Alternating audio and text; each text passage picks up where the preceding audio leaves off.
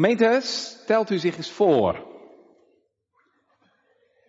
Stelt u zich eens voor een gemeente waar vier maanden lang bijna avond aan avond diensten belegd worden. Waar zes tot zevenhonderd mensen graag willen praten met hun dominee over hun ziel. En dan niet alleen maar mensen uit de gemeente, maar ook mensen die tot voor kort daar helemaal niet kwamen en een zondig en goddeloos leven leiden. En waarvan gelovigen het volgende gezegd wordt. Ik citeer. Ze waren hecht aan één verbonden. Vervuld met ijver en vreugde. Hemelsgezind. Ze volharden voortdurend. En namen toe in de leer en in de gemeenschap. Dagelijks te vinden in de kerk en in gebed samenkomsten. Dat, gemeente, is wat er gebeurt als God komt met zijn Heilige Geest. Wat ik u nu net vertelde, dat uh, is wat er gebeurde in de gemeente van de bekende Schotse dominee Robert Murray McChain. Dominee McChain had al jaren gebeden om een opwekking, om een herleving in zijn gemeente in Dundee, in Schotland. Maar het gebeurde niet. Al had hij er al heel wat keren de heren om gevraagd. Totdat hij in 1839 een paar maanden naar het buitenland moest. Op zendingsreis naar Israël. En tijdens zijn afwezigheid, en ik denk dat de Heer daarmee ook liet zien dat hij hem helemaal niet nodig had.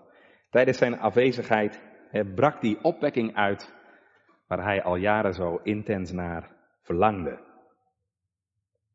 Nou, wat er gebeurde toen in Dundee, ik ben er zelf geweest jaren geleden, eh, heb ik u verteld. Intense honger naar het woord. Avond aan avond zat de kerk vol. Honderden mensen die verlangden naar geestelijke raad en advies. En kinderen van God, gelovigen, werden vervuld met ongewone liefde en toewijding. Dat is wat er gebeurt als de geest van God krachtig werkt. alsof het Pinksteren is. Dat is wat er gebeurde in Dundee. En dat is ook wat er eeuwen daarvoor gebeurde in Jeruzalem. En gemeente, dat is ook wat wij zo ontzettend hard nodig hebben. Hier in Arnhemuiden. Die heerlijke, vernieuwende werking van de Heilige Geest. Nou, hetzelfde wat we zien in Dundee, dat zien we vanmiddag ook in Jeruzalem. We zagen al vanmorgen, er was intense honger naar het woord. We zagen met Pinksteren al, twee weken geleden, dat er vele mensen tot bekering kwamen. En vanmiddag zullen we zien een gemeente waar liefde en eenheid is, waar mensen door de Heilige Geest worden veranderd. Nou, vanmorgen stonden we stil bij vers 42. Eh, ik wil vanmiddag met u stilstaan bij het vervolg, vers 43 tot en met 47. En een vrezen kwam over alle ziel en vele wonderen en tekenen geschieden door de apostelen. En alle die geloofden waren bij Eden hadden alle dingen gemeen.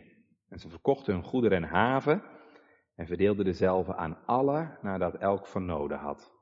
En dagelijks, eendrachtig in de tempel volhardende en van huis tot huis broodbrekende, aten ze tezamen met verheuging en eenvoud des harten en prezen God en hadden genade bij het hele volk. De Heere deed dagelijks tot de gemeente die zalig werden. Um, vier gedachtengemeenten waar we bij stilstaan. We gaan in de eerste plaats kijken naar het geheim van deze gemeente. Dat is natuurlijk de aanwezigheid van God. God is in hun midden. In de tweede plaats letten we op de stemming in die gemeente. De stemming in die gemeente. In de derde plaats wil ik iets zeggen over de uitstraling van die gemeente. Zij hadden genade bij het ganse volk. En tenslotte, dat is dan bij wijze van toepassing, staan we stil bij het appel van deze gemeente. Wat heeft deze gemeente ons vandaag te zeggen en te leren? Gemeente, vanmorgen hebben we een begin gemaakt met dat laatste stukje van Handelingen 2, hè, over het leven in de eerste gemeente in Jeruzalem. We hebben toen uh, stilgestaan hè, bij de vier dingen die genoemd worden, vers 42. Ze waren volhardend in de leer van de apostelen. Ze waren volhardend in de gemeenschap, in de breking van het brood en in de gebeden. En als je nou de vraag stelt, hoe komt dat nu, hè? Hoe komt het nu dat deze mensen zo'n honger hadden naar onderwijs? Hoe komt het nu dat ze zo betrokken zijn op elkaar? Zo vurig bidden? En hoe kwam het dat en Dundee, wat ik net u over vertelde, de kerk vier maanden lang elke avond vol zat. Dat mensen zo verlangden naar antwoorden. En dat, dat was echt zo, dat zelfs kinderen bij elkaar kwamen om gebedssamenkomsten te houden, om samen te bidden. En hoe komt het als vandaag mensen honger krijgen naar dit woord? Inzitten over hun ziel, gaan bidden voor zichzelf, voor anderen. Hoe komt dat? Ja, dan is er natuurlijk maar één antwoord mogelijk. Omdat God daar aan het werk is. Dat is het geheim van deze gemeente in Jeruzalem. God is daar. God is tegenwoordig. En wat het gevolg daarvan is, dat kunt u zien in deze verse. Kijkt u even mee. Ik noem vier dingen. En ik loop die even met u langs. Vier dingen die gebeuren als God aanwezig is, als God werkt in een gemeente. Het eerste vindt u in vers 43. En een vrees kwam over alle ziel. Wat is dat vrees? Dat is ontzag. Ontzag vervult de harten van de mensen. En dan moet je niet alleen denken aan de gemeenteleden, maar ook de mensen daarbuiten. He, dus ja, ook zij die niet bij de gemeente horen, die zich daar niet bij aansluiten, um, voelen en merken dat God hier aan het werk is. Je ziet hier als Gods geest neerdaalt, dan, dan wordt daar iets van gemerkt, dan wordt daar iets van gevoeld. Een vrees kwam over alle ziel. Dan is als het ware de aanwezigheid van de Heer bijna ja, bijna tastbaar. ik moet even denken aan het Oude Testament, toen de Heer neerdaalde in de tempel, bij de inwijding van de tempel. zoals de wolkolom neerdaalde in de tempel en de priesters niet konden naderen. Ja, zo is het ook in deze nieuwtestamentische tempel van God. zijn gemeente in Jeruzalem. Daar wordt ook iets gevoeld, gemeente, van de heiligheid van God je leest twee hoofdstukken later, in hoofdstuk 5, als dat, dat vreselijke oordeel komt over Ananias en Sapphira. Ik, ik lees het even voor, vers 11. En er kwam grote vrees over de gehele gemeente en over allen die dit hoorden. Gemeente, je kunt er de klok op gelijk zetten. Waar weinig ontzag is voor God, Waar weinig besef is van zijn heiligheid, daar is weinig van Gods tegenwoordigheid. Als die er al is. Want je ziet hier waar God is en waar God werkt, komt vrees. Diep ontzag. Dan wordt ervaren zoals dat lied zegt, God is tegenwoordig. God is in ons midden. Laat ons diep in het stof aanbidden. Ik heb eens gelezen bij de grote opwekkingsprediker George Whitfield. Hoe hij dagenlang in Londen samenkwam met een aantal andere christenen. En zij dat ook zo ervaren hebben. Hij vertelde, ik lees het even voor. Om maar even ook vanmiddag wat indruk te geven vanuit de kerkgeschiedenis. Hè, hoe dat gaat als Gods geest krachtig werkt. Uh, Whitfield zegt, soms waren we de hele nacht in gebed. Vaak werden we vervuld als met nieuwe wijn. En de mensen waren zo overweldigd door Gods tegenwoordigheid, hoor je het? De mensen waren zo overweldigd door Gods tegenwoordigheid. Dat ze uitriepen, zal God dan werkelijk bij de mensen op aarde wonen? Hoe vreselijk is deze plaats? Dit is niet anders dan een huis van God en een poort des hemels. Hoor je dat? Overweldigd door Gods tegenwoordigheid. Dat is ook wat we hier tegenkomen. In deze gemeente in Jeruzalem. Er kwam vrees over alle ziel. Het tweede teken van Gods tegenwoordigheid, lees in vers 43. En vele wonderen en tekenen geschieden door de apostelen. Ja, wat is de functie daarvan? Van die tekenen en wonderen. We gaan de komende hoofdstukken nog wel het een en ander van tegenkomen. Nou, in de eerste plaats, en dit is heel belangrijk wat ik nu zeg, tekenen en wonderen is iets wat Jezus ook deed. Dus die tekenen en wonderen laten iets zien van de continuïteit hè, tussen Jezus en de apostelen. Net zoals in het Oude Testament hè, de mantel van Elia op Elisa valt. Zo zou je kunnen zeggen, is de mantel van Jezus op de discipelen gevallen. Dat laat daarmee ook zien dat zij dus echte geroepen discipelen van Christus zijn. Dus het geeft iets aan van de continuïteit tussen Jezus en de discipelen. Eh, het tweede, het laat natuurlijk ook zien, die tekenen en wonderen, dat het echt waar is wat zij zeggen. Het is als het ware een onderstreping van hun prediking dat Jezus echt is opgestaan en dat hij leeft en werkt. Het zijn tekenen dus van de kracht van de levende Christus. U zegt, kan dat vandaag ook nog? Kan dat vandaag ook nog tekenen en wonderen? Zeker. Wat zou ooit zijn macht beperken? Het heelal staat onder zijn gebied. Maar je moet er wel voor oppassen, denk ik, om dat zomaar te claimen. Je zult mij nooit horen zeggen dat wonderen niet meer mogelijk zijn. Maar let er dan wel op dat deze wonderen in Jeruzalem niet door iedereen gedaan worden. Wie doen de wonderen? Het zijn de apostelen die het doen. Hè, als geroepen vertegenwoordigers van Christus. Hè, ik bedoel, dat kan niet zomaar door Jan en Alleman geclaimd worden. Zoals dat vandaag nog wel eens gebeurt. En dan is het altijd nog maar zeer de vraag hè, of wat vandaag voor wonderen doorgaat. Of dat kan tippen aan wat de apostelen deden. Wat ik daarvan gezien heb bij opwekking, heeft mij nog niet echt overtuigd. Wonderen, zoals in het boek Handelingen, zijn ook echt wonderen. Waarbij mensen ook echt genezen zijn en niet twee weken later weer terug bij af zijn. Maar dat laat onverlet dat de Heer dat zeker ook vandaag nog kan doen. Wonderen. En ik denk dan met name aan, ja, ik noem dat maar even frontsituaties. Um, frontsituaties, hè, momenten dat het koninkrijk van God weer opschuift naar nieuwe plekken, naar nieuwe plaatsen. Waar soms heel veel tegenstand is. En waar de Heer om zijn tegenstanders te beschamen soms indrukwekkende blijken van zijn macht laat zien.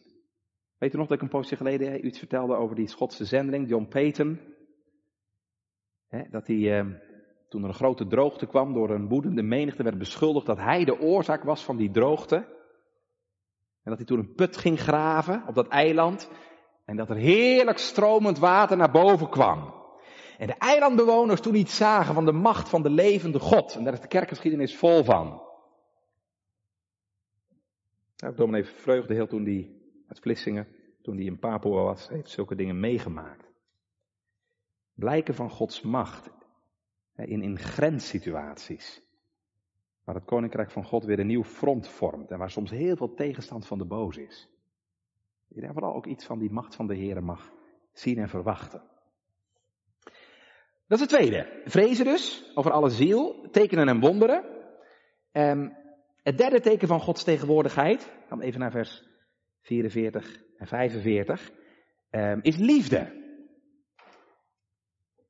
Alle die geloofden waren bijeen en hadden alle dingen gemeenschappelijk. Hartelijke liefde voor elkaar. Is dat geen machtig bewijs van Gods aanwezigheid? Hè? Als mensen die van nature op zichzelf gericht zijn, hè? individualistisch, egoïstisch. Ja, als mensen gericht worden op elkaar. Omzien naar elkaar. Geven om elkaar en geven aan elkaar. Ik stip het nu alleen maar even aan, want we hebben er vanmorgen natuurlijk uitvoerig bij stilgestaan, maar dat is ook een krachtig teken van Gods aanwezigheid. Liefde. En dan het laatste gemeente, laatste kenmerk dat God hier aanwezig is, is groei. Deze gemeente groeit. Lees even mee vers 47, hè? Het laatste stukje. En de Heere deed dagelijks tot de gemeente die zalig werden. Dat is ook een machtig kenmerk als God met zijn geest tegenwoordig is. hoe kwam het, ik ga nog even terug naar Dundee, hoe kwam het dat in Dundee tientallen mensen, mensen die voorheen openlijk in zonde leefden en niet kerkelijk waren, tot geloof kwamen? Hoe kwam dat? Ja, omdat God hen toevoegde tot de gemeente. Hoe kwam dat? Dat dat in Jeruzalem gebeurde?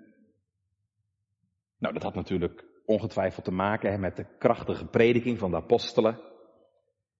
En die preekten gewoon in het openbaar bij de tempel, dus dat was door iedereen te horen, gelovigen, niet-gelovigen.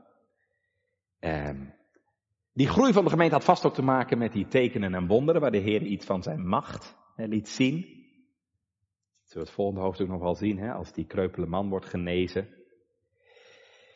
En het zal ook vast te maken hebben, die groei, met het getuigenis hè, van die duizenden mensen die in Jeruzalem tot geloof gekomen waren. Hè, die op een eenvoudige manier vertelden. Eh, over de Heer Jezus en hoe hun leven veranderd was. En hoe vol vreugde ze waren dat ze Hem nu mochten kennen. Michael Green heeft een heel mooi boek geschreven, al heel lang geleden, over evangelisatie in de vroege kerk. En um, hij vertelt in dat boek dat de meeste mensen in de eerste eeuwen christen werden door het getuigenis van, zeg maar, gewone gelovigen die met hun vrienden, buren, contacten, familieleden eh, spraken over de Heer Jezus. Dat is de belangrijkste factor geweest van de groei van de kerk in de eerste eeuw. Dat eenvoudige getuigenis van mensen die ja, in hun woorden, maar ook in hun leven, dat, en, en de verandering van hun leven, het evangelie zo mochten doorgeven aan andere mensen. Dus wonderen, getuigenis van gelovigen. En toch gemeente, dat is niet de diepste verklaring waarom deze gemeente in Jeruzalem zo groeit. Natuurlijk zijn dat middelen geweest, hè? zou je kunnen zeggen. Maar het is niet de bron. Wat is die bron? Ja, dat is uiteindelijk de Heere zelf. Vandaar dat Lucas ons vertelt, en de Heere deed dagelijks tot de gemeente die zalig werden. Ja, hoe komt het dat mensen tot geloof komen? Hoe komt het, en ik hoop dat u uit uw eigen leven daarover mee kunt spreken. Hoe komt het dat mensen opnieuw geboren worden? Dat doet de Heere. Hij is daar de bron, de auteur van. Dat zie je hier heel duidelijk, hè? Um, de Heere deed dagelijks tot de gemeente die zalig werden. Dat is passief, hè? Ze werden behouden. Dat deden zij niet, maar dat deed hij. Zullen we dat nooit vergeten, gemeente? De zaligheid komt van God, hè? Natuurlijk, we kunnen zaaien, we kunnen planten, we kunnen nat maken, maar het is God die de wasdom, die de groei, het leven geeft. En die eer geeft God niet aan een ander. Zaligheid, de redding komt altijd bij God vandaan. En we zien in Handelingen 2, hè, waar de Heere werkt, waar God krachtig werkt, daar groeit de kerk. En dat is niet een prestatie van de kerk, maar dat is omdat God mensen toevoegt. Ik moet in dit verband denken aan wat ik eens gelezen heb bij uh, Dr. Martin Lloyd Jones. Hij zegt, dat vind best wel een beetje een gewaagde uitspraak. Hij zegt, als God echt werkt in een gemeente, dan komen de mensen vanzelf. En daarmee bedoelde hij niet dat evangelisatie niet belangrijk is of zo. Dat je maar je mond moet houden. Nee, dat bedoelde hij niet. Natuurlijk is evangelisatie heel belangrijk. Maar hij had ervaren in zijn predikantschap dat als de Heere werkt, mensen vanzelf komen. Hij heeft er een prachtig boekje, zijn vrouw heeft er later een prachtig boekje over geschreven, hè, toen hij in de jaren twintig in Wales stond, in Sandfield. Daar gebeurde dat echt. Er kwamen tientallen mensen tot bekering en geloof. Mensen die voorheen geen stap in de kerk zetten. Ruwe havenarbeiders, alcoholisten, zo'n arbeiderswijk achter in Wales. Had het zelf ervaren. Als God werkt, de gemeente komen de mensen vanzelf. Dan voegt de Heer mensen toe die zalig worden. Nou, daar hebt u het geheim van deze gemeente. Het was een gemeente waar de Heere tegenwoordig was. En dat was te merken. Dat zien we ook in onze tweede gedachte. Als we letten op de stemming in die gemeente. We hebben gekeken naar het geheim van deze gemeente. Letten in de tweede plaats op de stemming van de gemeente. Hoe was daar nou de stemming, de sfeer, de gemoedsgesteldheid? Nou, ook daar laat Lucas ons niet over in het ongewisse. Ik wil weer vier dingen noemen. Ik zou meer kunnen noemen, maar ik moet ook wat beperken, anders komt er misschien ook te veel herhaling in, want een aantal dingen hebben we al eerder gezien. Maar ik noem vanmiddag vier dingen um, die iets zeggen over de sfeer, de stemming in deze gemeente. Nou, het eerste hebben we al gezien, hè? Er was vrees, ontzag voor de levende God. ik zei, waar God komt, waar God werkt, is ontzag. En waar dat niet is, is God niet. En ik denk, als er iets is wat wij vandaag weer moeten leren, dan is het dat. Dat ontzag hebben voor de Heer. Als u soms de vanzelfsprekendheid ziet waarmee sommige mensen God denken te kunnen claimen, waarmee ze de Heilige Geest denken te kunnen claimen. Natuurlijk is God Heer. En natuurlijk werkt Hij. Maar waar is het ontzag? Het diepe besef dat het zo onvanzelfsprekend is. Dat God met ons te maken wil hebben. Dat God in ons midden wil komen. Dat dat een, een hemelshoog wonder is. Dat God met kleine, nietige, zondige mensen te maken wil hebben. En, en zijn geest wil zenden. De Heer wil dat zeker. Maar nooit als een vanzelfsprekendheid. Altijd als iets, ja, als een wonder. En dan komt er ook ontzag voor de Heer. Maar toch, en dat is het wonderlijke, toch gaat dat ontzag in Jeruzalem niet ten koste van diepe blijdschap. Nee, in Jeruzalem gaat dat samen op. Aan de ene kant ontzag en aan de andere kant blijdschap. Vreugde. En dat is het tweede wat ik wil noemen als het gaat over de stemming in die gemeente. Daar was gemeente diepe blijdschap. We lezen in vers 46 hè. En zij aten tezamen met verheuging. Kan dat? Ontzag en blijdschap. Kan dat samen gaan? Ja, dat kan. Denk even aan Psalm 2. Dien de Heere met vrees en verheugt u met beving. Heb je het ook, hè? Vrees en verheugen.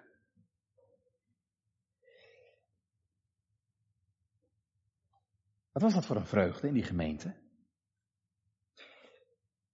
Ja, dat is de vreugdegemeente van Filippenzen 4. Verheugt u in de Heere te alle tijd. Dat is de vreugde in de Heer Jezus. En wie Hij voor je is en zijn wil. Het is de vreugde dat deze zaligmaker ook uw zaligmaker is. Het is de vreugde te mogen weten dat Hij je heeft lief gehad met een eeuwige liefde. Dat Hij ook voor jou de weg van schande en pijn is gegaan. Het is de vreugde dat je mag weten dat Hij je zozeer heeft lief gehad dat Hij zijn leven voor je heeft gegeven. Het is de vreugde dat je mag weten dat Hij nu in de hemel leeft om voor je te bidden. En voor je zorgt en over je waakt. Het is de vreugde die de Heilige Geest in je hart laat opwellen. Het is de vreugde omdat de last van je zonde en schuld van je is afgenomen. Het is de vreugde dat ik die de dood heb verdiend, door God ben vrijgesproken. Het is de vreugde dat je een God in de hemel hebt die voor je zorgt en een zaligmaker die voor je bidt. Het is de vreugde dat je hoop hebt en toekomst.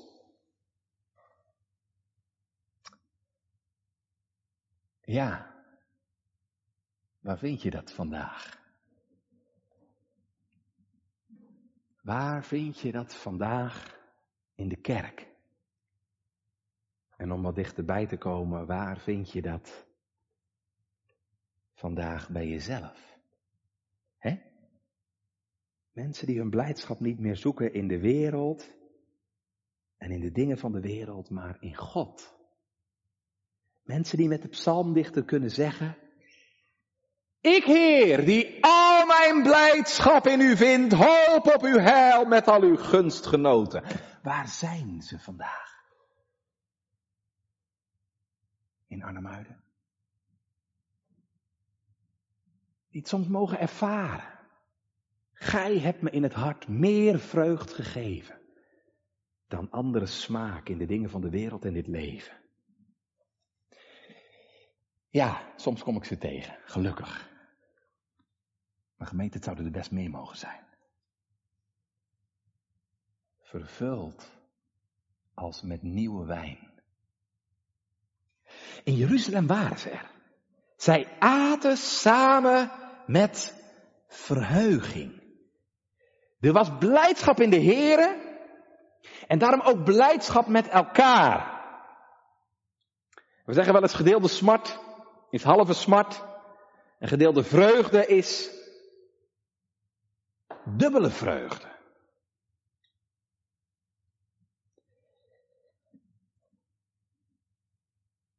Het ware christendom heeft niks te maken met die gemaakte blijdschap van happy clappy. Maar ware blijdschap, gemeente, heeft net zo goed ook niks te maken met die naargeestige somberheid waar sommigen in de gereformeerde gezinten zo goed in zijn. De mensen die deze blijdschap kennen, zijn fijne mensen om mee om te gaan. Die zijn hartelijk en vriendelijk voor elkaar en voor anderen. En je ziet soms iets van die innerlijke blijdschap afstralen op hun gezicht. Blijdschap. Het derde. Het derde wat kenmerkend is voor de sfeer in de gemeente, is eenvoud. Zij aten tezamen, vers 46, met verheuging en eenvoud des harten. Of zoals de nieuwe Bijbelvertaling zegt, met een geest van eenvoud. Een geest van eenvoud. Wat betekent dat? Eenvoud of eenvoudig hier? Nou, heel simpel gezegd, het betekent dat het mensen waren die geen dubbele agenda hadden. Het zijn mensen, zouden we vandaag zeggen, uit één stuk. Ze zijn niet dubbelhartig, maar ze hebben een onverdeeld hart. Een nieuw hart. En daarom zijn ze oprecht. Dat wordt bedoeld met eenvoud. Eenvoud is oprecht. Het zijn oprechte mensen. Ze maken bijvoorbeeld geen misbruik van de situatie. Het zou natuurlijk heel makkelijk gekund hebben. Hè? Ik zei net, hè?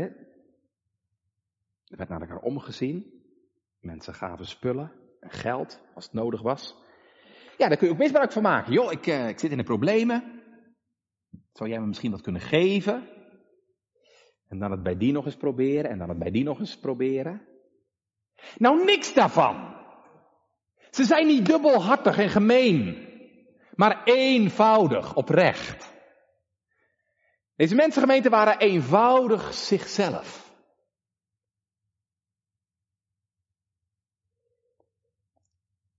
En dat kun je pas als je van Christus bent. Ja, zolang je niet van Christus bent, ben je niet jezelf. leef je vaak achter maskers. Doe je jezelf vaak anders voor dan je in werkelijkheid bent. Maar als je van Christus wordt, word je pas echt jezelf. Dan word je eenvoudig, oprecht van hart. En dan het laatste wat Lucas ons vertelt over deze gemeente. Het was een lofprijzende gemeente. Want we lezen in vers 47 en zij prezen God. Ja, als er ontzag is voor de Here, liefde voor de Here en blijdschap in de Here, daar wordt ook Gods naam geloofd. Daar wordt hij geprezen voor wie hij is. Heilig, rechtvaardig, barmhartig en genadig. Daar wordt hij ook geprezen voor wat hij gedaan heeft. Voor wat hij gedaan heeft in zijn zoon, de Heer Jezus Christus, om zondaren te redden. Dan kun je zingen, hij was het die mijn heil bewerkte. Die loof ik hem. Mijn leven lang.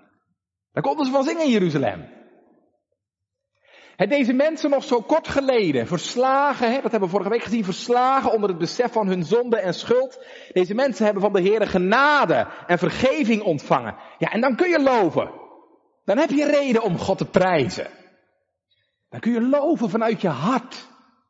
Genade zo oneindig groot. Dat ik die het niet verdien het leven vond, want ik was dood en blind. Maar nu kan ik zien. Wat is dat heerlijk als je zo de Heer mag loven.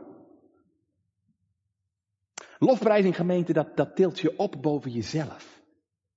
Dat tilt je op boven je zorgen, boven je zonden, boven je vragen, boven je strijd en je moeite en je twijfels en je worstelingen.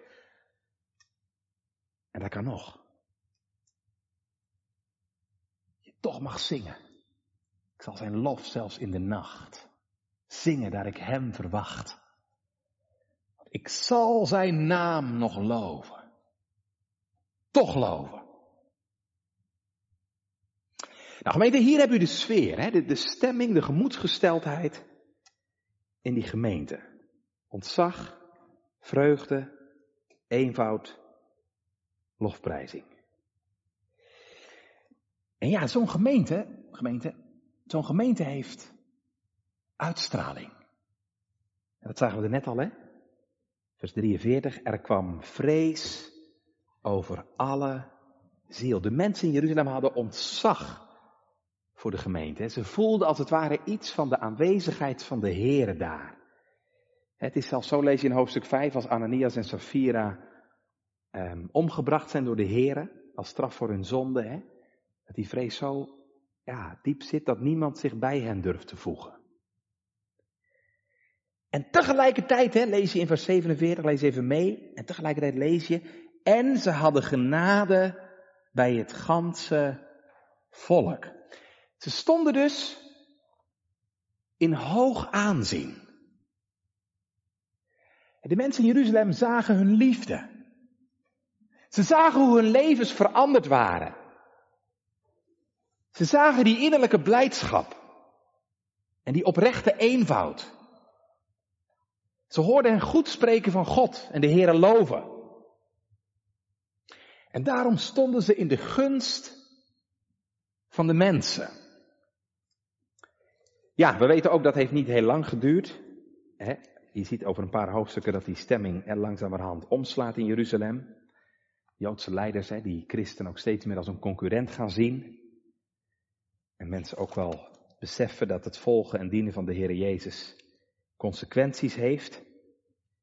Maar niet iedereen aan wil, want dan moet je je bekeren en je leven veranderen. Maar in die eerste tijd stonden ze in de gunst van de mensen. En velen worden toegevoegd aan de gemeente. Hoe komt dat? Nou, dat zei ik er net al, hè? Dat is natuurlijk in de eerste plaats het werk van de Here. Hij voegt mensen toe. Maar daar gebruikt hij dus wel mensen voor. Natuurlijk kan God mensen zomaar tot verandering brengen, zonder dat er iemand aan te pas komt, maar meestal gebruikt de Heer daar mensen voor. Mensen die het woord spreken, eh, mensen die door hun houding en levenswandel eh, iets uitstralen, hè, wat anderen jaloers maakt. Mensen die van de Heer getuigen, getuigende levensstijl hebben. God gebruikt dat allemaal om mensen toe te voegen. Hoe zit dat bij ons? Hoeveel mensen zijn er bij ons toegevoegd? De laatste jaren?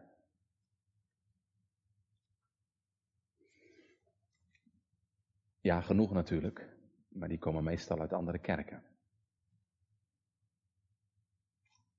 Hoeveel mensen zijn er bij ons toegevoegd? Van buiten?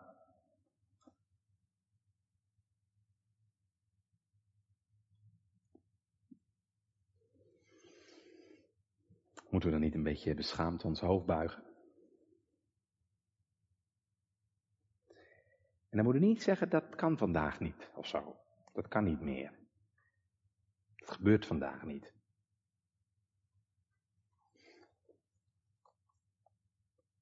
Ga dus in Oudorp kijken. Hoeveel mensen, mensen van buiten de kerk, onder de bediening van dominee van den Berg, toegevoegd zijn tot de kerk.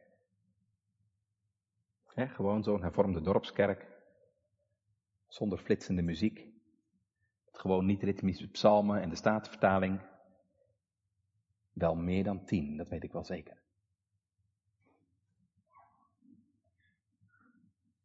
Zijn ze bij ons? Wanneer is voor het laatst hier iemand toegetreden?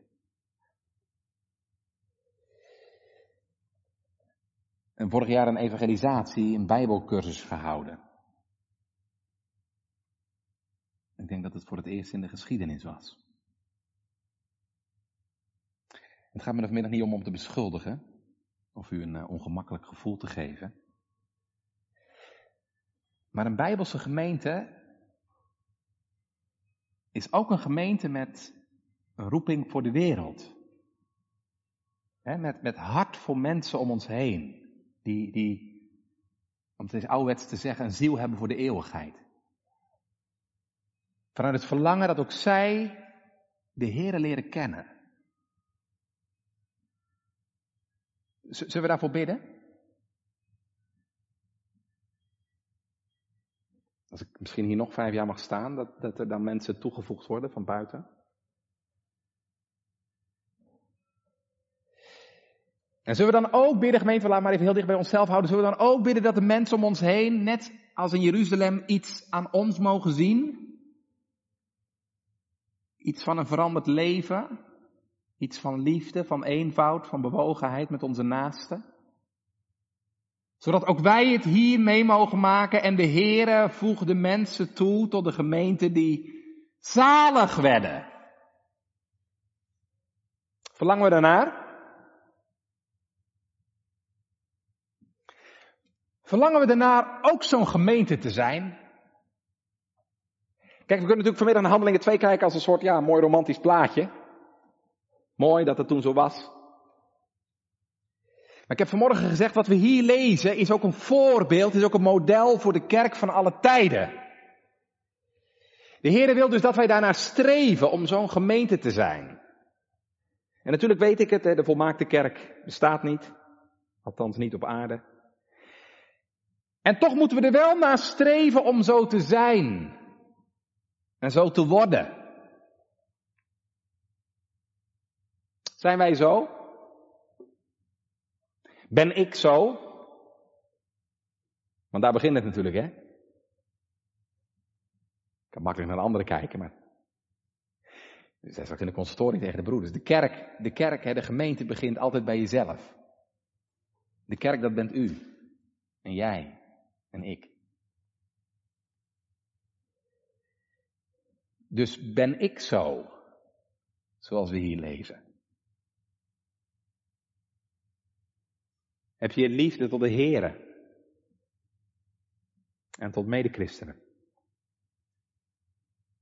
Streef je naar eensgezindheid? Ze waren ook eendrachtig, hè?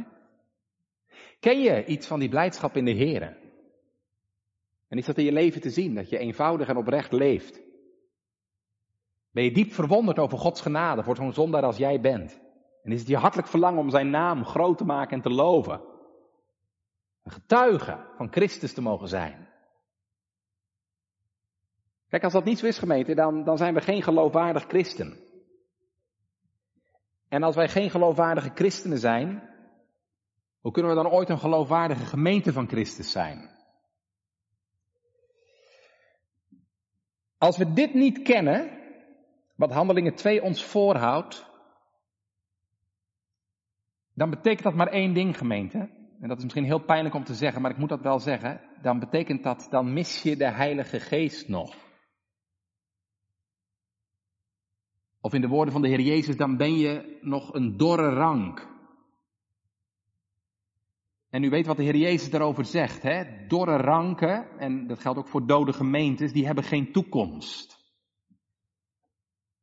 Wat zegt Jezus ook alweer van de gemeente van Laodicea? Omdat u lauw bent. Nog koud, nog heet zal ik u uit mijn mond spugen. Lopen dan ook wij niet het gevaar, gemeente, dat Christus dat ook van ons zegt? Waar is dat volharden in de leer der apostelen, in de gemeenschap, in de gebeden? Die hartelijke liefde tot elkaar, die vreugde in God door Christus, die eenvoud, het goed spreken van de Heer, het loven van zijn naam in het leven van velen. Moet dan ook Christus niet van ons zeggen, u bent nog koud, nog heet. Lieve gemeente, wat hebben ook wij als gemeente die geest van Pinksteren nodig? En wat is er ook in ons leven, in onze gemeente? Bekering nodig. En als u nou vanmiddag weet hè, dat dat zo is, omdat u weet dat uw leven niet overeenstemt met wat hier staat in Handelingen 2, mag ik dan u vragen, wilt u daar wat aan doen? Dan kunt u zeggen, ja, het waren mooie preken vandaag. En we gaan straks weer over tot de orde van de dag. Maar daar verandert natuurlijk niks door. Vandaar mijn vraag. Van Gods wegen. Wilt u daar dan wat aan doen? Wilt u zich, wil jij je bekeren? En als u dan zegt, ja, maar dominee, dat kan ik niet. Heb je nog gelijk ook. Helemaal gelijk, je kunt jezelf niet veranderen, weet ik ook wel.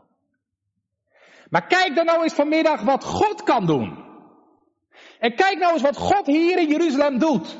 deze mensen van wie velen vijandig waren tegen Jezus, die misschien wel mee hebben geroepen om zijn dood, die maken nu zijn naam groot. Die hebben hem hartelijk lief en die getuigen van hem in woorden en daden. En velen van hen zijn voor de Heer Jezus gestorven. Wie deed dat? Wie bewerkte dat? De Heere. En dat doet hij nog steeds. Nee, u kunt het niet zelf, daar hebt u gelijk in, maar u hoeft het ook niet zelf te doen. Weet je, dat is altijd zo trouwens. Bekering begint altijd daar, waar je inziet dat jij het niet kunt. dat je ziet dat je niet bent die God wil dat je bent. En dat je dat ook zelf nooit kunt veranderen. En dat je daar verbroken onder bent. En dat je daar berouw over hebt. En dat eerlijk erkent voor God, Heer, ik kan het niet. Ik kan nooit zijn die u wilt dat ik ben. Maar dan ook geloven dat de Heer het wel kan. En dan aan de Heer vragen, Heer, doet u het in mijn leven? Want Heer, ik lees hier in uw woord wat u deed in Jeruzalem. En u bent toch nog steeds dezelfde. Geloof je dat? Dat nog steeds dezelfde is. Hij is nog steeds dezelfde.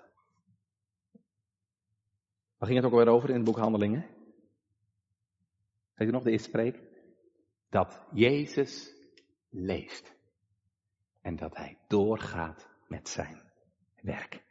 En dan betekent dat dat hij dat ook vandaag doet. En dan zeg ik gemeente, als Gods genade werkte in Jeruzalem, in mensen die dat totaal niet verdiend hadden en niet waardig waren, waarom dan ook niet vandaag? In Arnhemuiden, in mensen, in de gemeente, die dat niet verdient, niet waard is. God doet het niet om ons. Hij doet het om zijn grote naam te verheerlijken. En daarom kan het. Ook voor jou, ook voor u. Ook u kunt een christen worden, een pinksterchristen, vervuld met de Heilige Geest. Want Jezus leeft en hij voegt nog steeds mensen toe tot een gemeente die zalig wordt. En waar dat gebeurt, waar mensen veranderd worden, worden ook altijd gemeentes veranderd. Ja, worden ook gemeentes veranderd. Gaan ze steeds meer lijken op die gemeente in Handelingen 2. Een gemeente waar we volharden in de leer der apostelen, in de gemeenschap, de breking des broods en in de gebeden. Een gemeente waar liefde is. Liefde tot de Heer. Liefde tot elkaar. En liefde tot de wereld. En dan zullen we zien. Ja, het is er toch wel. Die kerk uit Handelingen 2. Weet u nog dat ik vanmorgen begon met die advertentie van dat bedrijf dat er niet was. Het was mooie reclame. Maar er zat niks achter. Het was niks. Ik zei vanmorgen, ja, dat kun je soms denken hè, als je Handelingen 2 leest. Ja, het ziet er mooi uit. Mooie reclame. Maar waar vind je dit? Waar is deze kerk? Is die er wel? Ah, hij is er echt. Kijk maar naar Jeruzalem.